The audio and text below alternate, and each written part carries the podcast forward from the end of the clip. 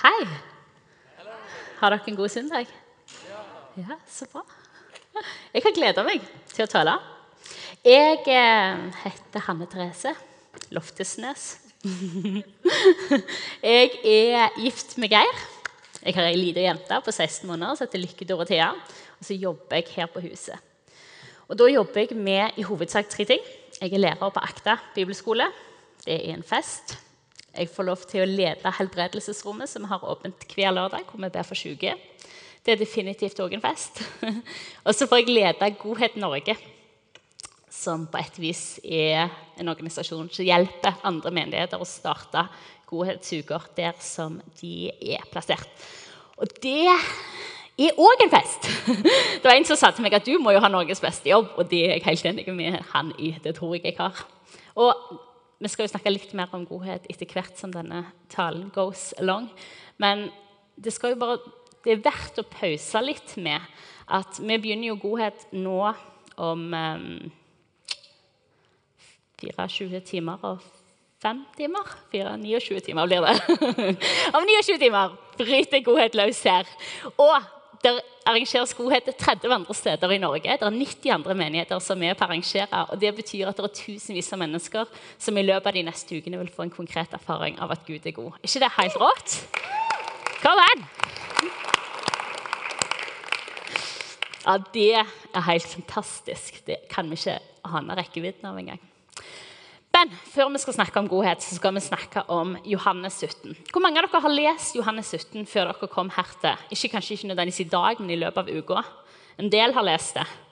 Det er eh, mitt beste tips for de søndagene som kommer framover nå. at vi har jo en litt sånn kronologisk rekkefølge på dette. her, sant? Vi hadde Johannes 16 forrige uke, vi har Johannes 17 nå, som Johannes 18 neste uke, og så fyller 19, og 20 og 21 med. Les teksten før dere kommer. Bruk den uka til, til, å være i den teksten. Og så blir det enda, enda bedre å få med seg prekka, for da har du virkelig fått med deg teksten. Um, men Johannes 17 det er en, egentlig bare en eneste lang bønn som Jesus ber. Uh, som, de, han Spener, Philip Spener. Hvem av dere har hørt om Philip Spener? Ikke så mange? Ja, nå, hør her! Kristin har hørt om Philip Spener. Jeg hadde ikke hørt om Philip Spener før jeg oppdaget dette sitatet. Men han kalles for pietismens far.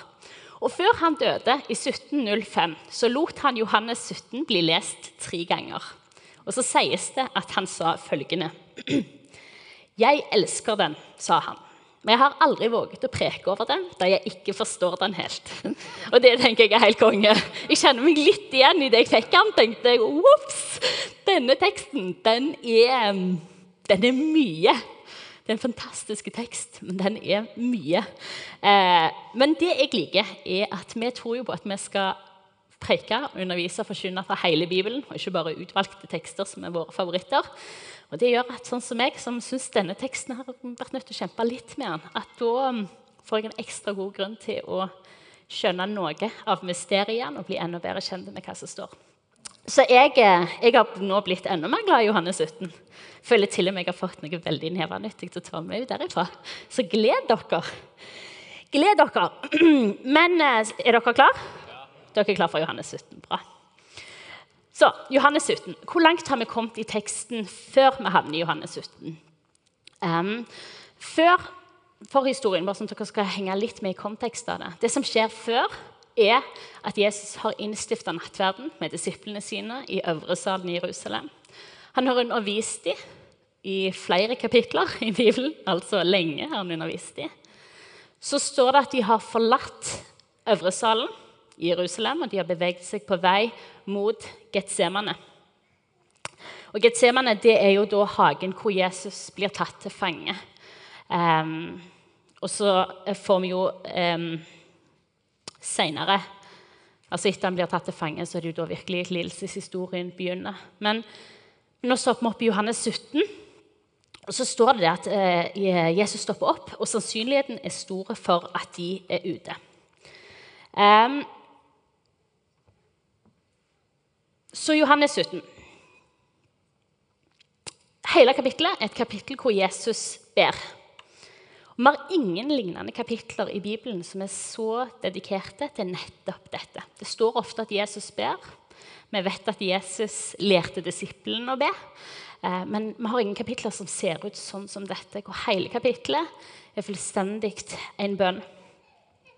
Eh, denne teksten er ofte blitt kalt for Jesu ypperste prestlige bønn. Og Den blir kalt for det fordi at foruten for å bringe soningsofferet fram for Gud, så var yppersteprestens oppgave det var å be for folket for Gud. Altså til Gud for folket. Og Det er jo det vi ser Jesus gjøre nå. Sant? Han ber seg sjøl fram som det soningsofferet som skal gjelde én gang og alltid for alle. Eh, men så, så ber han òg for folket. Og Det som kanskje utmerker denne teksten såpass spesielt, er at det er jo veldig tydelig en bønn hvor vi ser Gud ber til Gud, samtidig som vi ser sønnen ber til sin far. Så det er en nydelig og dog spesiell tekst. Teksten begynner med, eller Bønnen til Jesus begynner med 'far', eller mer korrekt oversatt 'pappa', fordi at ordet er 'abba' fra grunnteksten. Så det er virkelig sønnen som snakker intimt og nært til sin far om det som ligger foran. Bønnen, Johannes 17, den har tre veldig naturlige deler. Første del, vers 1-5. Jesus ber for seg sjøl. Neste del det er fra vers 6 til 19. Da ber han for sine disipler. Og Siste del det er vers 20 til 26. Da ber Jesus for alle de som skal komme til tro på, grunn av det som de, disiplene formidler videre. Um, det er hvordan det er lagt opp. Og så er det viktig for oss å vite at bakteppet for denne bønnen det er en Gud som elsker. Han begynner bønnen sin med å si 'Far, timen er kommet'. Og Det han sier nå, det er at det er nå det skjer. Det som du har sendt meg for, det som er årsaken til hvorfor jeg er her, det er nå det skjer. Det er nå lidelseshistorien egentlig for alvor begynner. Og Det er på et vis her, kanskje Johannes 3, 16, som mange av oss kan. Det er, liksom, det er nå det skjer. For så høyt har Gud elska verden, at han ga sin sønn den enbårne, for at hver den som tror på ham, ikke skal gå fortapt, men ha evig liv. Nå er timen her. Det er nå vi trer inn i den største kjærlighetsgjerning noensinne. Den største godhetsgjerning noensinne. Det er nå. Nå skjer det. Det er nå vi ser Jesus gå mot korset. Og så er det her denne bønnen begynner, med Han som elsker. Så har vi en bønn på veldig mange vers. Og Vi skal ikke lese alle de versene. Men jeg har eh, funnet fire hovedknagger som jeg vil at dere skal ta med dere. Så dere kan gå tilbake når dere kommer hjem, lese teksten, peke ut de knaggene og se at disse tingene de sier han om igjen og om igjen og om igjen og om igjen i denne teksten. Um, på den ene sida så er jo dette en bønn. Dette er jo noe Jesus ber. Dette er noe Jesus ønsker for sine etterfølgere. Og Samtidig så vet vi at Jesus han ber jo ikke om noe annet enn det han vet at ligger på Faderens hjerte allerede. Sant? Det står noe om at Jesus gjør bare det som han ser Faderen gjøre. Han taler bare ut det som han ser Faderen tale ut. Um, så det vi ser at det Jesus ber, det er ikke bare, sånn, det er ikke bare ønsketenkninger for Jesus. Dette er ting som ligger på Guds hjerte. Eh, og Det er bare viktig for oss å forstå i det vi går inn. Så fire ting. Jeg skal si de først, sånn at dere henger med hvor jeg er henne. Det første er bevar de i ditt navn. Det andre er helge de i din sannhet. Det tredje er enhet. Og det fjerde, det er sendt. Så bevar, helge, enhet, sendt. Henger dere med? Er dere klar? Bra. Geir er klar. Det er bra. Det er fint å ha en gjeng, heiagjeng på første. Bevar de i ditt navn. Eller som er parentesen som jeg brukte når jeg leste det Vit at det er alltid en som holder deg. Bevar de i ditt navn, sier Jesus, eller ber Jesus, og bevar de fra det onde. Det kan også oversettes med 'den onde'. Og da er jo spørsmålet er, Ber Jesus her om at hans etterfølgere aldri skal erfare noe vondt? Ber han om smertefri liv for dem? Ber han om en dans på roser? Så vet vi at det er jo ikke det han ber om. Det er jo bare å lese kapitlene før hvor vi ser at Jesus lover definitivt ikke problemfrie tider. Vi vet jo at bare noen timer etter at denne bønnen er bedt, så skal alle disse disiplene erfare frykten på kroppen. At de skal erfare at de svikter sin beste venn. De skal erfare at de flykter. Og hvis vi hopper enda lenger, når vi kommer til apostlenes gjerninger, skal du heller ikke bla så veldig mange sider inn i den boka før du registrerer at forfølgelse kommer. og utfordringer dukker opp. Så det er jo definitivt tydelig at det Jesus ber om, er ikke smertefrie liv. Det kan vi aldri anta at Jesus har lovt oss, for det har han ikke. Så da er spørsmålet hva i alle dager er det han mener når han sier 'bevar de i ditt navn'? Jeg tenker at bevare det handler om å passe på. Om å på ett vis å bli holdt at vi uansett blir holdt i alle omstendigheter. I gode dager og i vonde dager. At vi i alle de omstendighetene kan være trygge på at han er til stede. Og at han alltid og i alle omstendigheter er vår gode far. Og at han alltid og i alle omstendigheter vil være nær oss. Og at han alltid i alle omstendigheter elsker oss. Kanskje det fineste eksempelet jeg vet på dette Kanskje, det er mange fine eksempler. er denne salmen som heter 'Jeg er i Herrens hender'. Som så tydelig sier nettopp det. Dager er gode, dager er vonde. Sånn er livet. Men i alle de tinga så er det en som passer på oss og er nær oss. Så det er første punkt.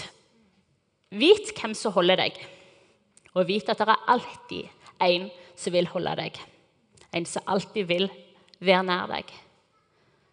Bevar de i ditt navn, står det i teksten. Så OK, bevar de i ditt navn. Er dere med? So far, so good? Bra. Dere kan si til sidemannen 'bevar de i ditt navn'. Bra, så husker dere det. det er fint. Det er fint. Neste eksempel, den neste bønn, det er 'helge de i sannhet'. Hellige de i sannheten, står det i Johannes 17, vers 17. Det, det er huskeregel. 17, vers 17. Hellige dem i sannheten. Ditt ord er sannhet.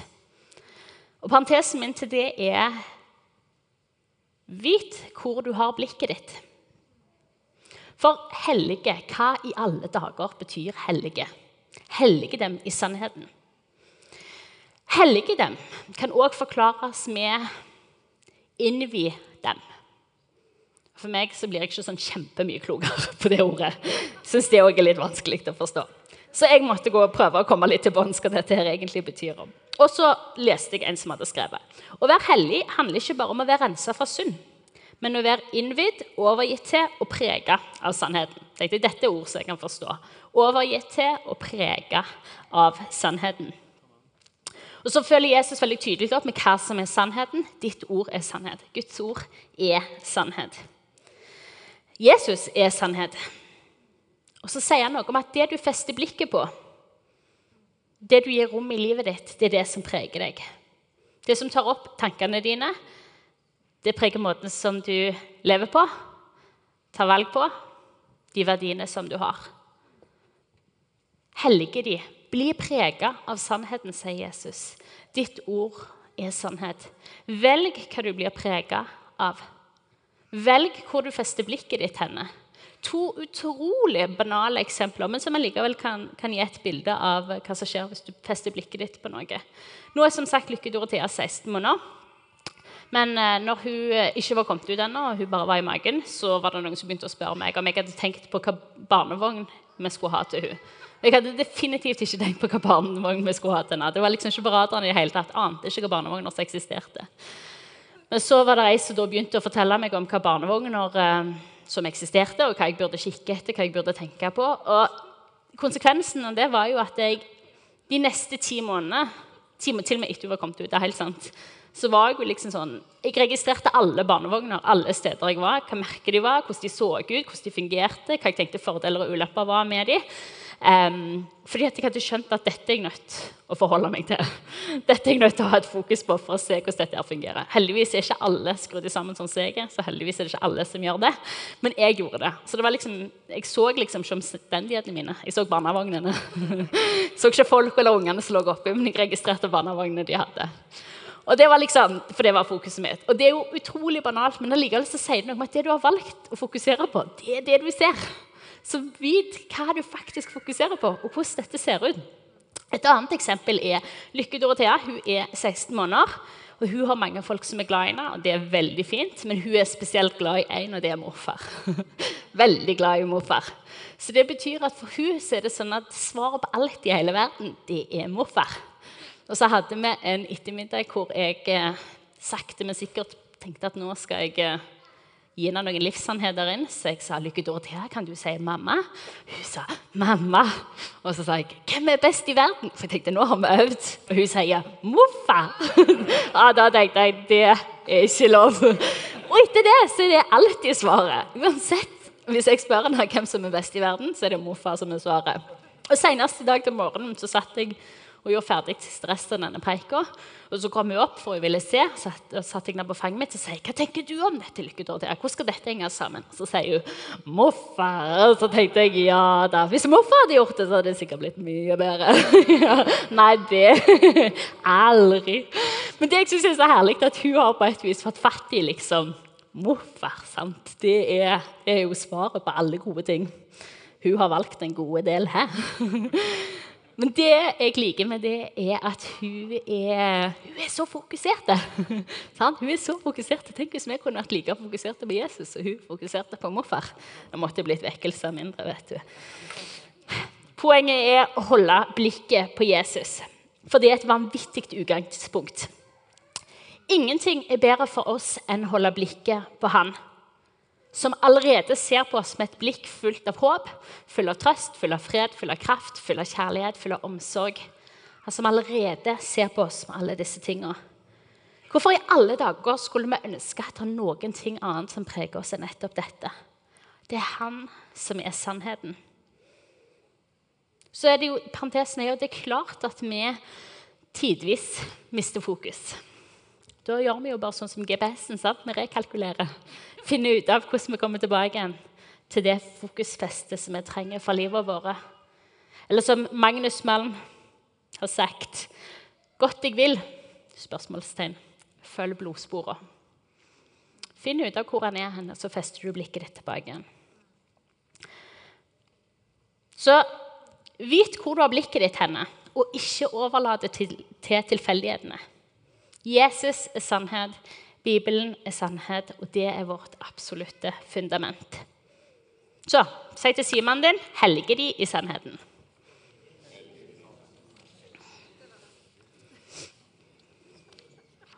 Helge de i sannheten. Bra.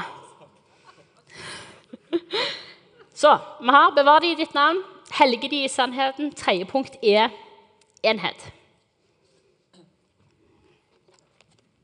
Bare som har én av de mange bibeltekstene nettopp på dette som går på enhet. Um,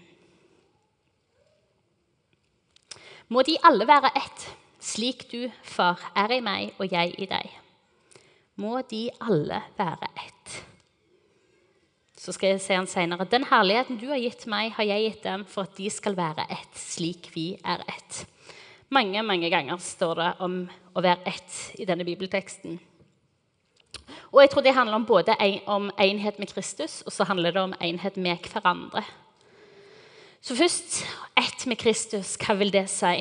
Betyr det at vi er ferdig utlærte? Betyr det at vi er fullkomne disipler? Så vet vi at svaret på det er definitivt ikke. Og Samtidig så er vi ett med Han. Det er nåde over nåde. På et blir det som det som han sier sjøl i Johannes 15. Bli i meg. Vi hører sammen. Og fordi vi har tatt imot Jesus, så er vi ett med han.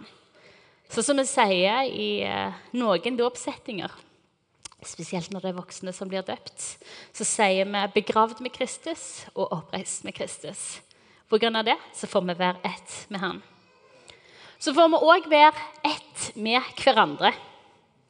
Og da må vi bare først slå fast en gang for alle at enhet ikke betyr enighet i alt. Enhet betyr ikke at nå er alt uniformt. Det betyr ikke at nå skal alle være helt like. Nå skal alle høre til samme organisasjon. Nå skal alle tenke likt og mene likt og fungere likt. Enhet i mangfold, er det en som har sagt. Og det er jo litt sånn som treenigheten. sant? Vi snakker om Gud, skaperen, vi snakker om Jesus, frelseren, vi snakker om Den hellige ånd, livgiveren. Så de er tre forskjellige, og samtidig er de ett. Det er jo litt som mysterium. Hvordan forstår vi det? Nei, hvordan forstår vi det? Men vi vet det står, vi vet det sant. Og så ser vi jo at Paulus beskriver jo også, når han snakker om, uh, om kirka som en kropp, snakker man som en kropp med forskjellige deler forskjellige funksjoner.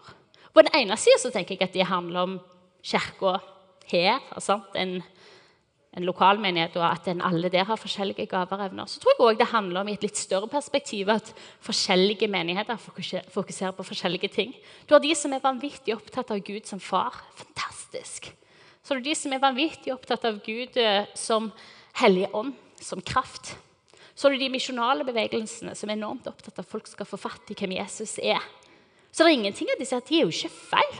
Alt er jo riktig. Men de alle uttrykker forskjellige deler av den treenigheten som vi hører til. Gir det mening? Ikke helt mening. Jo, for en Ingel iallfall. Det er bra. Jeg tror Gud elsker mangfold fordi han har skapt oss sånn. Han har skapt oss til å være kreative, frie skapninger. Han bruker ikke en sånn cookie cutter, sånn at sånn skal alle se ut nå. Men vi er en organisme med forskjellige deler. Og så er sannheten at vi har samme hode, og vi har samme utgangspunkt. Vi har ulikheter, men enhet i det sentrale.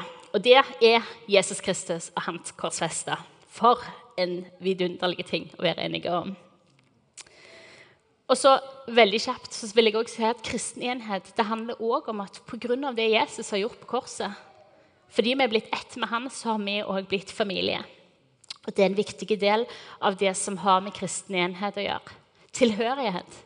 Du har et sted du hører til. Du har en familie du hører sammen med. Vi hører sammen fordi vi er ett i Han. Så vit hvem du er sammen med. Du hører til, og du hører sammen med. Du har en familie. Så nå kan du si til sidemannen din vi er ett. Se her.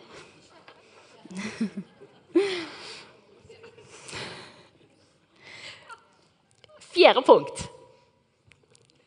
Fjerde punkt sendt. Vit at du er sendt. Ditt liv har en hensikt. I um, denne teksten så står det i vers 17, nei, kapittel 17, vers 18 Som du har sendt meg til verden, har jeg sendt dem til verden. Og så sier han senere, jeg blir ikke lenger i verden, men de er i verden, og jeg går til deg. Eller som en sånn engelsk sånn ny oversettelse av Bibelen som jeg synes er gøy, som heter The Message, som oversetter samme vers med And my life is on display in them. For I'm no longer going to be visible in the world. They will continue in the world while I return to you. Mitt liv er synlig i deres liv. Jeg kommer ikke lenger til å være synlig her, men det gjør de. Du er sendt, og vi er sendt. Ikke bare Geir som sitter på første rad, som løfter hendene litt ekstra høyt i lovsangen. Ikke bare den personen som stadig har nye historier og forteller fra nabolaget, eller den personen som slår ut som evangelist på nådegavetesten. Du er sendt. Og Det blir egentlig ikke synligere enn det det er i denne teksten. Jesus er ikke lenger her i egen synlig person. Det er det du og jeg som er. Vi er sendt. Og Vi er sendt på samme måte som han er. Hans utgangspunkt for å være sendt det er fordi det er en Gud som elsker. Det er vårt utgangspunkt for å være sendt. At han fortsatt elsker. Han fortsatt elsker folk. Ikke det fantastisk? For et utgangspunkt for å være sendt. Fordi han fortsatt lengter etter at alle mennesker skal bli kjent med han gjennom Jesus. Jeg leste en nydelig bok. Jeg har tatt den med, sånn at dere kan se hvordan den ser ut. 'Love Does'. Noen som har lest den? Ingen har lest den. Veldig godt boktips for sommeren. 'Love Does' av en mann som heter Bob Joff. Utrolig fin bok. Han skriver utrolig nydelig i denne boka om at Jesus han vil ikke ha stalkers, som det heter på engelsk, forfølgere, som det heter på norsk. Jesus vil ikke ha forfølgere, han vil ha etterfølgere. Um, han vil ikke bare ha folk som vet enormt mye om han. Han vil ikke bare ha folk som har lest bøkene om han. Han vil ikke bare ha folk som har, eh, vet hvor han har vært, eller vet hva han har sagt. Som bare studerer han på avstand. Han vil ha etterfølgere. Folk som gjør sånn som han gjorde, som han sa, og som lever sånn som han levde. Og som lekker ut det som han elsker. Tenk for en fest det kan bli hvis vi alle lakker ut Jesus der som vi var. Er dere enige? Det er nødt til å bli fest. Jeg har selv studert teologi i seks år. Jeg syntes det var utrolig spennende. Samtidig så sa jeg flere ganger i løpet av studiet Gud, frels meg før akademiaen tar meg. For jeg vet at jeg hadde en liten sånn tilbøyelighet til å være veldig glad i å studere. Um, må ta meg kanskje litt, uh, ha litt mer fokus på å finne ut av hvordan dette ser ut levende livet. Um, så Poenget er at ingen av oss er kalt til å være skrivebordsteologer eller bare bibelstudiet, kristne. Vi leser det fordi vi vil la det forandre oss. sant? Det er ikke bare informasjon, men det er transformasjon. Det som vi leser, er ment å forandre oss. Vi er kalt til å forandre verden med å elske folk. Og da må folk få erfare at de er elska. At de er vanvittig elska. Vi har bibelteksten, for det skal vise oss hvordan vi skal leve. Ikke fordi vi skal bli kunnskapsrike. Og Et herlig eksempel er vi har historien om kvinnen med brønnen. Ikke fordi vi skal lære om hvordan Jesus brøt barrierer i forhold til kjønn og i forhold til folkeslag, men fordi vi skal lære hvordan vi skal leve ved å elske flyktninger. Henger dere med? Bra. bra. Min drøm er å få bety noe i nabolaget. Det er litt sånn, det har Gud lagt meg på hjertet. Jeg har så lyst til at nabolaget mitt skal få fatt i at de er elska, og at de er vanvittig elska. Men jeg syns av og til det er litt krevende å steg ut og se hvordan det ser ut rent praktisk. Så ofte så synger jeg litt i hodet mitt 'Jesus, her er jeg, send Geir'. og det er kjempegreit å sende Geir, for det er mye lettere å sende Geir enn å sende meg av og til. Jeg er litt sånn seig. Men så skjønner jeg at det er jo mitt oppdrag òg. Geir er nydelig til det. Og det er fantastisk at Geir elsker folk rundt seg. Men uh, Geir kan ikke være alibiet mitt for at jeg ikke gjør det. Jeg vil at mitt liv skal elske Jesus òg. Så har vi IMI Oslo, fantastiske IMI Oslo. Dere er et forbilde for oss alle som reiser, som så tydelig er sendt. Og dere sender sant, med et tydelig oppdrag om å elske folk og la de få erfare at Gud er god. Og så tenker jeg bare, wow, hva det skal få bety for Oslo. Det ser noe griner jeg litt, det var litt overraskende. Men wow, hva det skal få bety! Det er jo helt konge! så vi får se at dere er så modige som drar elsker at dere har fantastisk flotte visjoner for hovedstaden vår. Ja, jeg tror ikke jeg kan si så mye mer, for da griner jeg bare enda mer. Så vi avslutter med det, men wow, vi gir dem en klapp, vi gir dem en klapp, så kommer jeg meg òg. Bra. Så IMI Oslo, yes, og så gjelder det for alle oss andre òg, der som vi er. Det gjelder der vi er som menighet, og det gjelder der vi er som enkeltindivider. Det gjelder nabolagene våre, det gjelder jobbene våre, det gjelder studiestedene våre, det gjelder familiene våre, det gjelder vennene våre. Du er sendt, og du er sendt med et oppdrag. At folk skal få bli kjent med Jesus og få erfare og få vite at han elsker dem. Parentesen er, og nå går jeg veldig mot slutten, det er at dette er det eneste oppdraget vi har. Dette er det eneste oppdraget vi har. Første pinsedag var jeg og pappa og min mamma vi var på fellesmøter på Klippen på, på Jørpeland. Og Der var det sogneprest Bård Boje. han talte. Han er en utrolig fin kar. Og der bare malte han ut Jeg synes det var et nydelig eksempel. Så sier han at vi har fått ett oppdrag. Og det er utrolig viktig at Hvis Jesus holder på med sitt oppdrag her, så må ikke vi holde på med vårt oppdrag her. Sant? Hvis han fokuserte her på å elske folk og vise hvem han er, og at de skal bli kjent med han, så må ikke vi holde på her. For hvis Jesus holder på her eh, Det er utrolig kjipt hvis Jesus holder på her, og så vi holder med på her borte. Og så vi er opptatt av alle våre ting med hytte, hus og bil og båt. Og så, og så sier han det blir utrolig flaut en dag, det. Og så tenker jeg, det er helt sant. Hvis vi er opptatt av bare alle disse tingene, og Jesus er opptatt av dette, det blir utrolig flaut en dag. Fordi at vi har fått et mye større oppdrag enn dette. Det betyr ikke at vi ikke kan bry oss om hus og hytter og bil og båt. Det skjønner dere jo. Men det har noe med hva er det som er overordna. Hva det som er det viktigste vi faktisk holder på med. Vi har et oppdrag, og det er fordi han fortsatt elsker mennesker. Så vit at du er sendt, og du er hans synlige uttrykk i verden. I morgen begynner årets fineste uke, mener jeg. Det finnes ingen uke i denne menighetens år, kirkeår, som så tydelig demonstrerer en Guds elske i praksis. Hus blir malt, hekker blir klipt, løvetann blir lukt. You name it. Masse greier blir gjort. Og så spørsmålet har det egentlig noen ting å si. Og så er det ungene svarer at ja, de har det. Fordi det handler ikke om den ene malerkosten.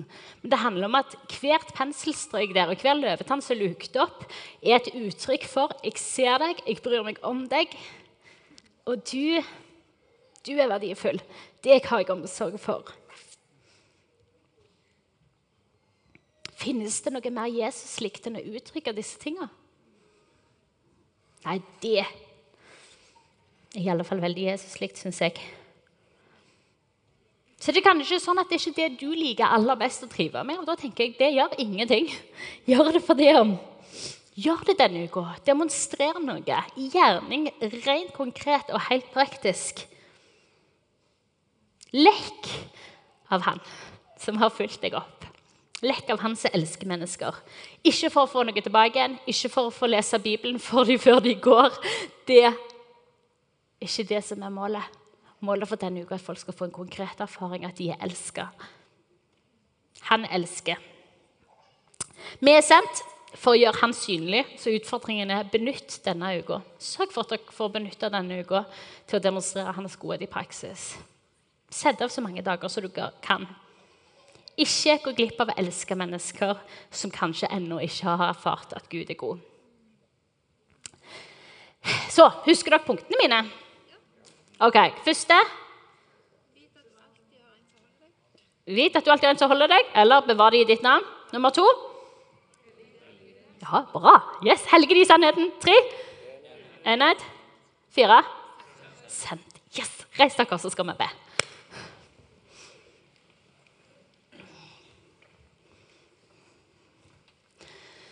Oh, gode Jesus, jeg takker deg for at du elsker. Jeg takker deg for at det er utgangspunktet for denne bønnen. Og du elsker oss så vanvittig høyt. Takk for at vi får være ett med deg og ett med hverandre. Takk for at du er den som bevarer oss og alltid vil være nær oss.